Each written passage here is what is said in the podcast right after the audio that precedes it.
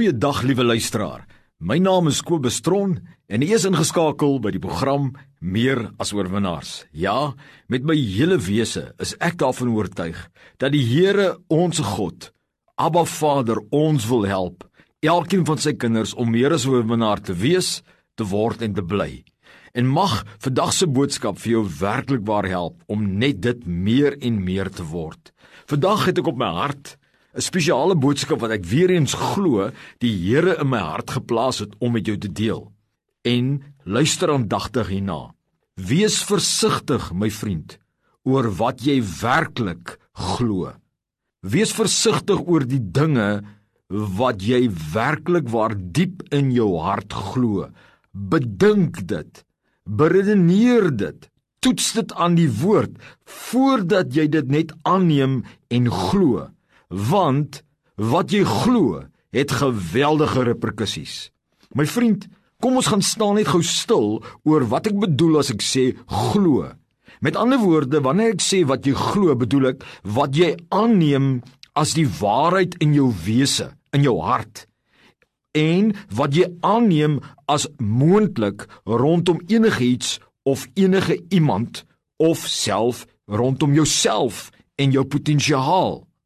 Dis ontsettend belangrik dat jy net nie lig ag oor wat jy vir die res van jou lewe kies om te glo in die lewe rondom dinge nie. Met ander woorde wat jy aanneem as waarheid of wat jy aanneem as moontlikheid as wat kan gebeur nie.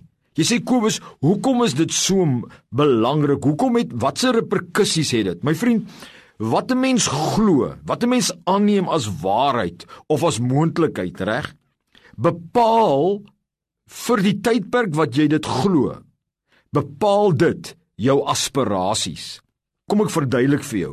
As jy glo jy kan 'n uh, kampioen word in 'n sekere sportsoort. Die oomblik wanneer jy dit aanneem as 'n moontlikheid en as 'n waarheid dat jy dit glo, dan sal jy outomaties daarna aspireer. As jy nie dit glo dat jy dit kan word nie, gaan jy nie daarna aspireer nie. So as die bose jou kan kry om dit nie te glo nie en dit God het dit bepaal vir jou as deel van jou lewensdrome en ideale, dan kan jy dit nie bereik nie, dan gaan jy nie aspireer nie. En as 'n mens nie aspireer nie, dan gebeur niks nie, want alles vloei uit aspirasie. So God wil hê jy moet weet dat jy versigtig moet wees oor wat jy glo, want wat jy glo bepaal wat jy aspireer.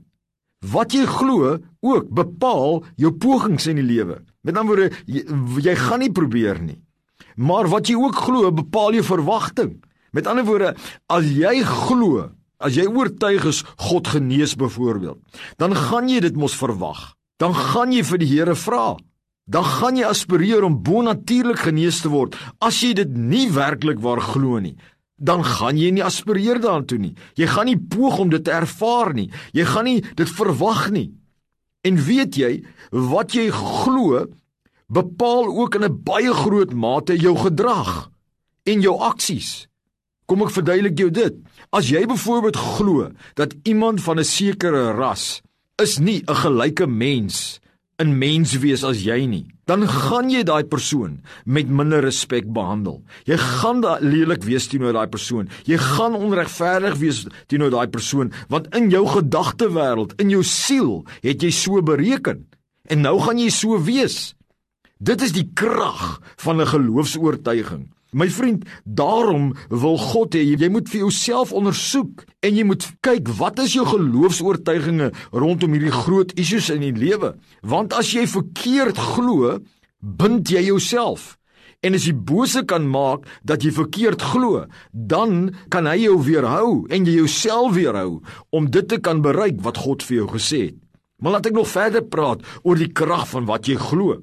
Wat jy werklik glo, nê, speel 'n baie groot rol in dit wat jy aantrek na jou toe.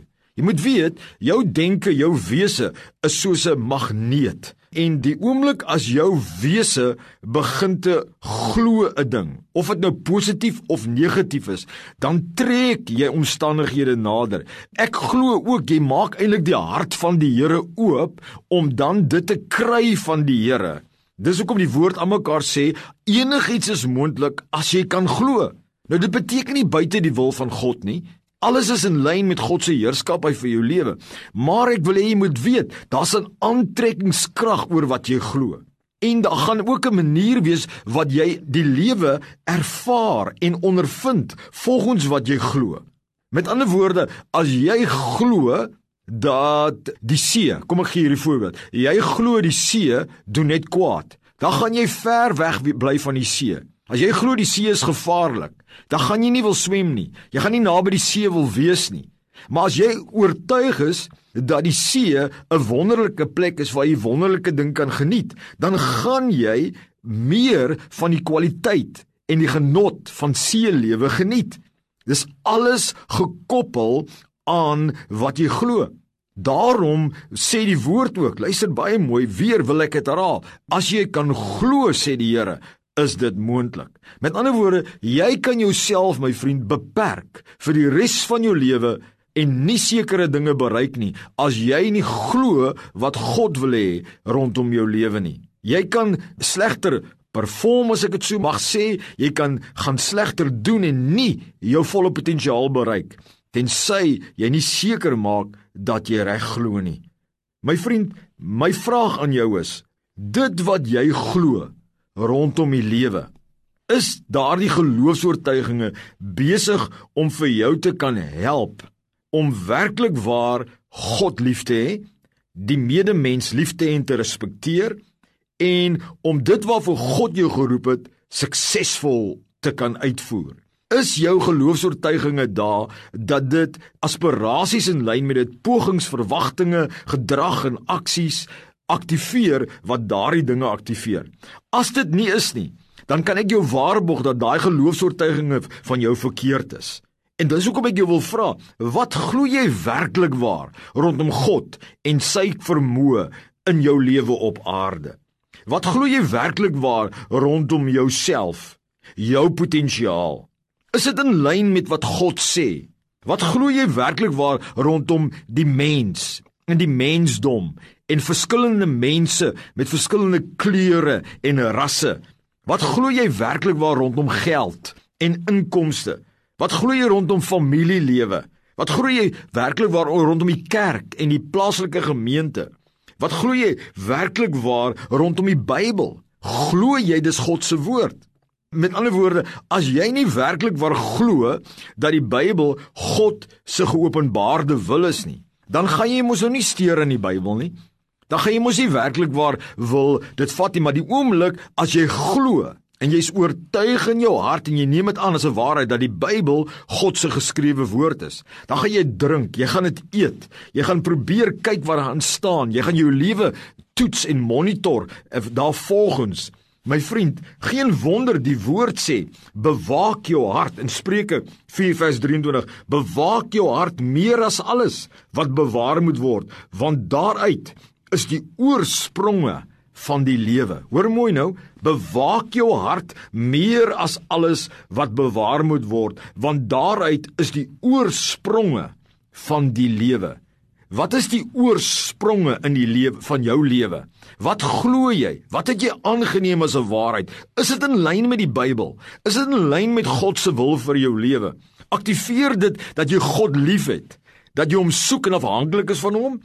Aktiveer dit dat jy jou naaste liefhet en met respek behandel?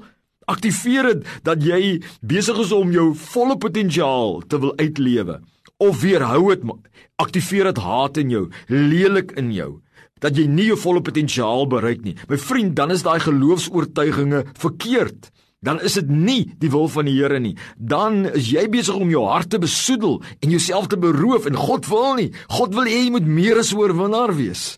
Het jy die regte geloofs-oortuigings rondom hierdie dinge? Rondom God, rondom die Bybel, rondom inkomste, rondom familie, rondom sukses in jou lewe? As jy dit nie glo nie, gaan jy dit nie aspireer nie. As a man think, so he is. Onthou dit vir die res van jou lewe. Wees versigtig wat jy glo, wat jy aanneem as die waarheid, wat jy aanneem as moontlik. My vriend, ek het geleer ek kies om te glo wat God sê. Wat hy in die Bybel sê, dit glo ek ons kan doen. Wat hy in my hart sê in lyn met die Bybel, dit glo ek, want dan weet ek dit sal wees dade wat daar sal uitvloei wat hom sal behaag. Mag jy meer as oorwinnaar wees en mag hierdie nutshell boodskap jou help. Amen.